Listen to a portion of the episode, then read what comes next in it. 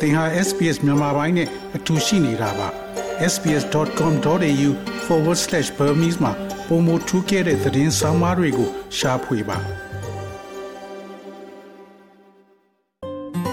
SBS မြန်မာပိုင်းကို အင်ကာနဲ့စနေနေ့ည10:00နာရီမှနားဆင်နိုင်တယ်လို့အွန်လိုင်းကနေလည်းအချိန်မီနားဆင်နိုင်ပါပြီ။ မနေ့ပြန်မေလ3ရက်မှာကြာရောက်မယ်ကမ္ဘာစာနယ်ဇင်းလွတ်လပ်ခွင့်အထိမ်းအမှတ်ပွဲတွေကျင်းပဖို့ကမ္ဘာတဝန်းလုံးမှာပြင်ဆင်နေကြချိန်မြန်မာနိုင်ငံကလွတ်လပ်တဲ့သတင်းမီဒီယာတွေအတွက်တော့ရှစ်ဆက်ဖို့တောင်အာယူနေကြရချိန်လို့ဆိုရမှာပါစစ်ကောင်စီအာဏာသိမ်းချိန်ကစလို့သတင်းတိုက်တွေပိတ်သိမ်းခံရတာသတင်းတောက်တွေဖမ်းဆီးခံရတာနဲ့တပ်ဖြတ်ခံရတာတွေကလွတ်လပ်တဲ့သတင်းမီဒီယာတွေပြည်တွင်းကနေထွက်ခွာရတဲ့အခြေအနေစီတွန်းပို့ခဲ့ပါတယ် စစ်ကောင်စီအနေနဲ့မြန်မာနောင် 70s မစ္စည်းမအပါအဝင်သတင်းမီဒီယာတိုက်14ခုအထိပိတ်သိမ်းခဲ့ပါတယ်။ဖမ်းဆီးခံရတဲ့သတင်းသမားတွေကိုအကြမ်းဖက်ပုံမှန်တက်အရေးယူထောင်ချတာတွေနဲ့တပ်ဖြတ်တာတွေလှုပ်ဆောင်တာကြောင့်သတင်းသမားတွေဟာပြည်တွင်းမှာဆက်လက်မလုပ်ကိုင်နိုင်တော့ဘဲလွတ်မြောက်နေမည်တွေစီထွက်ပြေးတိမ်းရှောင်ခဲ့ကြရပါတယ်။ သတင်းမီဒီယာတိုက်တွေကအစားသတင်းအလုပ်တွေဆက်လုပ်နိုင်ဖို့တိုင်းရင်းသားလက်နက်ကိုင်တွေရှိရာလွတ်မြောက်နေမျိုးတွေနဲ့ပြည်ပနိုင်ငံတွေစီထွက်ခွာအခြေစိုက်အလုပ်ဆက်လုပ်နေကြရတာပါစစ်ကောင်စီလက်အောက်ကနေရုံထွက်ပြီးလွတ်လပ်တဲ့သတင်းမီဒီယာတိုက်တွေအဖြစ်နေ့စဉ်ရှင်သန်ရပ်တည်နိုင်ရေးအတွက်ရုန်းကန်ကြရတဲ့အခါမှာလုံခြုံရေးပါဝင် အနာဂတ်ရပ်တည်ရေးမှာစိန်ခေါ်မှုတွေရှိလာပါတယ် တော်လန်ရေးရဲ့ကနဦးစားလို့ပြောလို့ရတဲ့ကရင်ပြည်နယ်ကတခုတည်းသောသတင်းမီဒီယာဖြစ်တဲ့ကနယောရီတိုင်းသတင်းဌာနအယ်ဒီတာစောချစ်အေးကအဓိကလုံခြုံရေးကောနောက်ပြီးတော့ဆက်သွယ်ရေးပိုင်းကောနေရေးထိုင်ရေးကောခက်ခဲတွေအများကြီးရှိလာတဲ့အတွက်ကျွန်တော်တို့ နည်းနည်းလောလောလို့စီပြီးမညာကိုဆွေးသွားရရှိတယ်။ဟိုဒါခက်ခဲလာတာကတိုက်ပွဲနေ့တိုင်းဖြစ်တယ်လက်နဲ့ကြီးနေ့တိုင်းထုတဲ့အတွက်ဒီဒီမှာတင်းတင်းယူနေရတဲ့ကျွန်တော်တင်းထောက်တွေရဲ့လုံခြုံရေးအရင်ဆိုရစရာဒီဖြစ်လာတယ်ပေါ့နော်စိတ်ပိုင်းဆိုင်ရာကောရုပ်ပိုင်းဆိုင်ရာကောပေါ့နော်ဒီလုပ်ငန်းရက်တီလေပတ်ဖို့အတွက်အာထောက်ပံ့ပေးနိုင်တဲ့ကျွန်တော်တို့ကလူရှင်နဲ့သွားတော့နော်ထောက်ပံ့ပေးနိုင်တဲ့လူလူရှင်တွေက အာအနည်းလာတယ်မနော်ကျွန်တော်တို့တချို့လုပ်ငန်းတွေကိုဆက်လက်လုပ်ဆောင်ဖို့ဒီနောက်နှစ်တက်မှာအာ plan ထားတဲ့ဟာတွေအတွက်ကျွန်တော်တို့အလူရှင်ထောက်ပံ့ရှာမရသေးတဲ့ဟာတွေအဲတချို့ရှိနေတယ်ပေါ့နော်အဲကျွန်တော်တို့ကရီနီမှာကျွန်တော်တို့တိုင်းသားပြည်ဌာနတော့ကျွန်တော်တို့တစ်ဖက်ပဲရှိတယ်ကရီနီရဲ့တည်င်းတွေကိုကျွန်တော်တို့ကမလုံနိုင်တော့ရင်ဒီကရီနီမှာရှိတဲ့အာတည်င်းဖြစ်ပြတဲ့အကြောင်းအရာတွေကိုလူတွေသိတော့မှာမဟုတ်ဘူးပေါ့နော်ဒါကကျွန်တော်တို့အသက်စိတ်ခုံမှုကြီးကြီးဖြစ်တယ်ပေါ့အောက် လွတ်လပ်တဲ့သတင်းမီဒီယာတိုက်တွေအနေနဲ့အာဏာမသိမ်းခင်ကဆိုပြည်တွင်းကြော်ညာတွေကရတဲ့ဝင်ငွေနိုင်ငံတကာအဖွဲ့အစည်းတွေရဲ့ထောက်ပံ့မှုတွေနဲ့ရပ်တည်နိုင်ကြပါတယ်။အာဏာသိမ်းပြီးချိန်မှာတော့စစ်ကောင်စီရဲ့မီဒီယာတွေပေါ်ဖိအားပေးမှုတွေကြားမှာပြည်တွင်းလုပ်ငန်းရှင်တွေဟာလည်းကြော်ညာထည့်တာတွေကိုရက်ဆိုင်လိုက်ကြပါတယ်။ဒါအပြင်နိုင်ငံတကာထောက်ပံ့မှုတွေဟာလည်းအာဏာသိမ်းကာလနှစ်နှစ်ကျော်လာတာနဲ့အမျှတဖြည်းဖြည်းလျော့နေလာပါတယ်။ ယူကရိန်းရုရှားစစ်ပွဲကြောင့်နိုင်ငံတကာအကူအညီတွေကယူကရိန်းဘက်ကိုရောက်ရှိသွားပြီးမြန်မာနိုင်ငံအတွက်မီဒီယာရက်တီရေးအပြင်လူသားချင်းစာနာမှုအကူအညီတွေပါလျော့နေလာနေတယ်လို့သုံးသပ်မှုတွေလည်းရှိပါတယ်။နောက်ဆက်တွဲအနေနဲ့လွတ်လပ်တဲ့သတင်းမီဒီယာတိုက်တွေဟာရက်တီဖို့ခက်ခဲလာတဲ့အခါရက်တန့်သွားခဲ့ရင်ပြည်သူတွေရဲ့သတင်းရပိုင်ခွင့်နဲ့သတင်းလွတ်လပ်ခွင့်တွေပေါ်ပါကြီးမားတဲ့ရိုက်ခတ်မှုတွေရှိလာနေတာပါ။ ဒါကြောင့်ပဲတကဘာလုံးဆိုင်ရာသတင်းလွတ်လပ်ခွင့်ညွှန်ကိန်းမှာ2021ခုနှစ်အတွင်းမြန်မာနိုင်ငံကအဆင့်140မှာရှိခဲ့ပြီး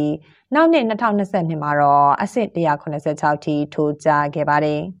ရှမ်းပြည်နယ်အခြေဆိုင်တအောင်းသတင်းဌာနတစ်ခုဖြစ်တဲ့ရွှေပြည်မြေသတင်းဌာနကအက်ဒီတာမိုင်းအိုင်နိုင်ကတော့ကျွန်တော်ကျွန်တော်မြန်မာနိုင်ငံကじゃသတင်းသတင်းလွတ်လပ်ခွင့်မရှိဘူးဆိုရင်ကျွန်တော်သတင်းအမှန်နေတာလူထုတွေတီးခွင့်မရဘူးကဘာကတီးခွင့်မရဘူးဆိုရင်ကျွန်တော်နိုင်ငံကပို့ပြီးတော့လူခွင့်ချိုးဖောက်မှုတွေဖြစ်လာမယ်ပြိပကဖြစ်တဲ့နိုင်ငံတိုင်းမှာဒါမျိုးတွေကဖြစ်နေတယ်ဒါတော့ကျွန်တော်မီဒီယာအနေနဲ့လည်းသတင်းလွတ်လပ်ခွင့်မရှိသည့်တိုင်ကျွန်တော်လန်လန်မိနေတာလောက်တော့တော့ကျွန်တော်တို့ဒီနိုင်ငံကြီးဒီထက်ပိုပြီးမဆိုးသွားအောင်ကျွန်တော်ဒီထက်တစ်ဖက်မှုတွေလူခွင့်ချိုးဖောက်မှုဒီထက်မဖြစ်အောင်ကျွန်တော်တို့ဝိုင်းဝန်းပြီးတော့စူးစမ်းကျွန်တော်တို့ဆက်လက်ပြီးတော့လုပ်သွားရမှာပေါ့နော်ဆိုတော့သတင်းလွတ်လပ်ခွင့်ကလည်းဒါကျွန်တော်သတင်းမှန်ရေးသားရင်လည်းဒါတစ်ဖက်ကလည်းတည်တဲ့အတိုင်းပဲစစ်ကောင်စီကကျွန်တော်တို့ကိုချိန်ချောက်မယ်ဖန်ဆီးမှုတွေတက်ပြီးတော့ကျွန်တော်တို့တရားစွဲဆိုမယ်အော်ဒီလိုမျိုးလုပ်ခြင်းအပြင်ကျွန်တော်သတင်းလွတ်လပ်ခွင့်ကိုအများကြီးရိုက်ချိုးတယ်ပေါ့နော်ဆိုတော့သတင်းရေးတဲ့ခြေနေမျိုးမှာဖြစ်ဖြစ်သတင်းဆက်သွယ်တဲ့ခြေနေမျိုးမှာဖြစ်ဖြစ်သတင်းသမားတွေနဲ့ဖြစ်ဖြစ်ပေါ့နော်သတင်းအရေးတွေးတွေလည်းပို့ပြီးအရင်ထက်ပို့ပြီးတော့ဟိုညံပြင်းလာမယ်သတင်းလွတ်လပ်ခွင့်ရှိတဲ့နိုင်ငံတိုင်းလည်းဒါ ဟိုဒီမိုကရေစီတကယ်တရားမျှတတဲ့နိုင်ငံမျိုးဖြစ်တယ်လို့ကျွန်တော်ပြောလို့ရတယ်စစ်ကောင်စီဟာအာဏာသိမ်းစာကလေးကသူတို့ကျူးလွန်ခဲ့တဲ့လူခွင့်ရေးချိုးဖောက်မှုတွေကိုနိုင်ငံတကာစီမရောက်ရှိစေဖို့တရင်လွတ်လပ်ခွင့်တွေကိုနီလန်အမျိုးမျိုးနဲ့ပိတ်ပင်ခဲ့ပါတယ်။နှစ်နှစ်ကျော်အတွင်းစစ်တပ်ရဲ့အနေနဲ့ဖြိုခွင်းမှုတွေကြောင့်သတင်းသမား82ဦးကျော်ဖမ်းဆီးခံခဲ့ရပြီး၄ဦးကတော့တေဆုံးခဲ့ရတယ်လို့နေစည်းမချသတင်းတောက်များအဖွဲ့ ISF ကထုတ်ပြန်ထားပါတယ်။ စစ်တပ်ရဲ့ပြစ်မှတ်အနေနဲ့အညှိုးထားခံရတဲ့သတင်းမီဒီယာသမားတွေကတော့လွတ်လပ်ခွင့်တွေပျောက်ဆုံးနေစေကြကနေသတင်းတွေကိုပြည်သူနဲ့ချိတ်ဆက်ဖို့စ조사ဆောင်ရွက်နေကြဆဲပါဒါကြောင့်တိုင်းရင်းသားလက်နက်ကိုင်တွေရဲ့စိုးမိုးနယ်မြေနဲ့ပြည်ပနိုင်ငံတွေကိုရောက်ရှိနေတဲ့သတင်းမီဒီယာအရေးအတွက်ဟာ30ကျော်ရှိနေပါပြီတိုင်းရင်းသားလက်နက်ကိုင်တွေရဲ့ထိန်းချုပ်နယ်မြေမှာရှိနေတဲ့သတင်းတောက်တွေနဲ့မီဒီယာတိုက်တွေအနေနဲ့တော့ထိန်းချုပ်မှုတွေကြားလောက်ကိုင်းနေရဆဲပါ တိုင်းရင်းသားလက်နက်ကိုင်ထိန်းချုပ်နယ်မြေတစ်ခုထဲမှာသတင်းအလုပ်လုပ်ကိုင်နေတဲ့အသက်20ကျော်အရွယ်အမျိုးသမီးသတင်းသမားတူကတော့လက်ရှိလုပ်ကိုင်နေရတဲ့အခြေအနေကိုအခုလိုဆိုပါတယ်နှစ်ဖက်ဒီယခုလိုမျိုးဟိုပဏိပခါတွေဂျာထဲမှာဟိုအမျိုးမျိုးသောရင်ဆိုင်မှုအခက်အခဲတွေရှိလာရပေါ့နော်အဲဆိုလို့ရှိရင်ကကိုယ့်ရဲ့ပေါ့နော်ဒီလွတ်လွတ်လပ်လပ်နဲ့အာမင်းမြန်ခွင့်လည်းမရှိတော့တလို့စိန်ခေါ်မှုတွေနဲ့ပြီးရင်ကြောက်ရွံ့မှုတွေဟာပိုပြီးမှ ဟိုများလာတယ်ပေါ့လေဒီလိုခြေနေကာလမှာတည်င်းရရှိဖို့အတွက်ကြတော့ကိုယ့်ရဲ့အသက်ကိုစွန့်မလားမဟုတ်ဘဲနဲ့သူတို့ရဲ့ပြောတဲ့အတိုင်းပဲလုပ်မလားပေါ့နော်အဲအဲ့နှစ်ခုတွေကတခုပဲခြေနေဆိုတာဖေးချိန်မဆိုတည်င်းသမားတွေလည်းတည်သွားနိုင်တဲ့ခြေနေဖြစ်သွားတယ်ပေါ့နော်အဲကြောင့်မို့လက်ခွင့်နေပေါ့အရင်မဲ့တယောက်တည်းပြီးရင်အဓိကကျတော့ source တွေဘက်ကိုလည်းညီမတို့ဘက်ကနေလုံခြုံမှုပေးပေးရတယ်လို့ညီမတို့အတွက်လည်းလုံခြုံမှုဆိုတာဟိုမရရှိနေတဲ့အခြေအနေဖြစ်သွားတယ်ပေါ့နော် လွတ်မြောက်နယ်မြေတွေနဲ့ပြည်ပနိုင်ငံတွေကိုမထွက်ခွာပဲပြည်တွင်းမှာပဲဆက်လက်လုပ်ကိုင်နေတဲ့သတင်းမီဒီယာစိုက်တွေလည်းရှိနေပါတယ်။တရားဝင်လိုင်စင်နဲ့ပြည်တွင်းမှာဆက်လက်ရပ်တည်နိုင်ဖို့စစ်ကောင်စီနဲ့ညှိနှိုင်းလုပ်ကိုင်ကြရတဲ့အခါပြည်သူတွေအတွက်ဗတ်မြတဲ့သတင်းတွေအရေးသွေးရှိတဲ့သတင်းတွေဟာထိမ့်ချုပ်မှုတွေအောက်ပျောက်ဆုံးနေရပါတယ်။ အဲ့ဒီအခါစစ်ကောင်စီအလိုမကျတဲ့အရေးသားမျိုးတွေကိုရှောင်ရေးပြီးစစ်တပ်ရဲ့ဝါဒဖြန့်ချီရေးရန်ရာတစ်ခုအသွင်ဆောင်တဲ့မီဒီယာတွေဖြစ်လာတယ်လို့လည်းဝါရဲ့သတင်းစာဆရာတွေကထောက်ပြကြပါတယ်။အထင်းမှာစစ်ကောင်စီဘက်ကိုငွေကြေးယူတာတော့မဟုတ်ဘူးသို့တော့အထင်းမှာရပ်တည်နိုင်အောင်သူတို့ကတော့ဟို self sensor တွေရောဟိုခေတ်ကလို့ sensor ဖြတ်တဲ့ ဌာနကိုမတင်ရပေမဲ့ကိုယ့်အကို sensor ဖြတ်တဲ့ဟာမျိုးတွေနဲ့ရပ်တည်ကြရတာလည်းရှိတယ်ကျွန်တော်တို့ကတော့ဒါသတင်းလွတ်လပ်တဲ့သတင်းဌာနလို့တော့မယူဆဘူးပြည်သက်ကိုတကယ်အချက်လက်မှန်ကိုမပေးနိုင်ရင်တော့အကြောင်းအရာတွေအကုန်အများစုရှောင်ပြီးရမယ်သဘောမျိုးဖြစ်လာနိုင်တယ်ဟိုသတင်းဌာနအနေနဲ့တော့ကိုကိုဟာကို self sensor ဖြတ်ထားတဲ့အတွက်ပြည်သက်အတွက်တော့ဟိုဒီသတင်းဌာနစီကသူတည်တင်တည်တတ်တဲ့သတင်းတွေအားလုံး မရဘူးလို့ပဲအဲ့လိုပဲယူဆမယ်အကျိုးရှိတဲ့လောက်အကျိုးမရှိဘူးပေါ့နော်ပြောချင်တာတော့တခြားသောအကြောင်းအရာတွေရှောင်ပြီးပဲဖော်ပြနေရတဲ့အနေအထားမျိုးလို့ကျွန်တော်တို့အဲ့လိုထင်ပါစစ်ကောင်စီရဲ့လူခွင့်ရေးချိုးဖောက်မှုတွေကိုအာမနာတန်းထောက်ပြဖို့ပြည်ပမှာအခြေစိုက်တဲ့လွတ်လပ်တဲ့မီဒီယာတွေအနေနဲ့တော့နဲလာတဲ့အထောက်ပံ့တွေကြားမှာကုန်ကြစီတွေဟာလည်းပိုလာပါတယ်။ အရင်ကလေစိတ်ကားဂိတ်တွေကနေတရားဝင်ခီးသွားလာခွင့်ကိုလက်ရှိမှာဆုံးရှုံးလိုက်ရတဲ့သတင်းသမားတွေကိုကဲထုတ်ဖို့အသုံးစရိတ်တွေအပြင်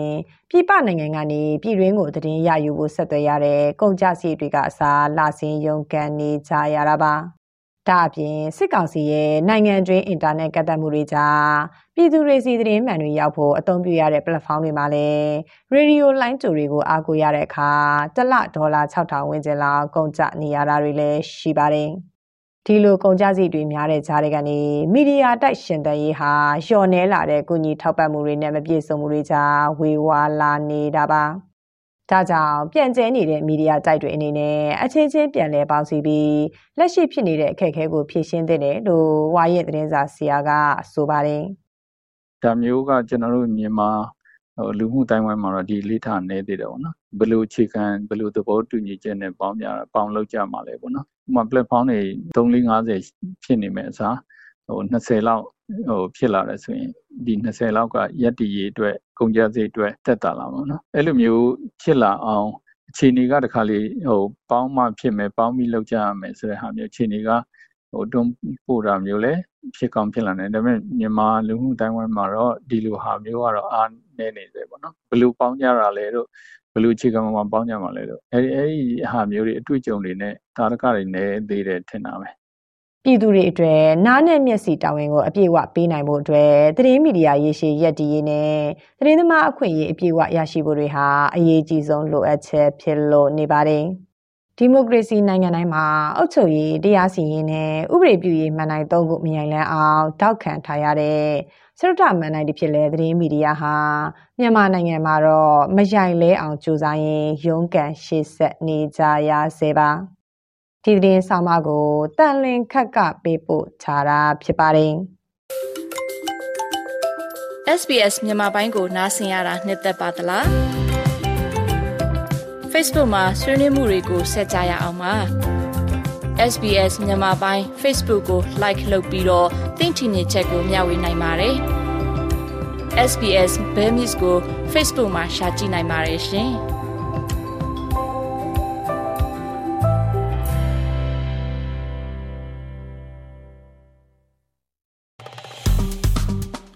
SPS မြန်မာပိုင်းကို Facebook ပေါ်မှာ like ရှာပြီး like မျှဝေမှတ်ချက်ပေးပါ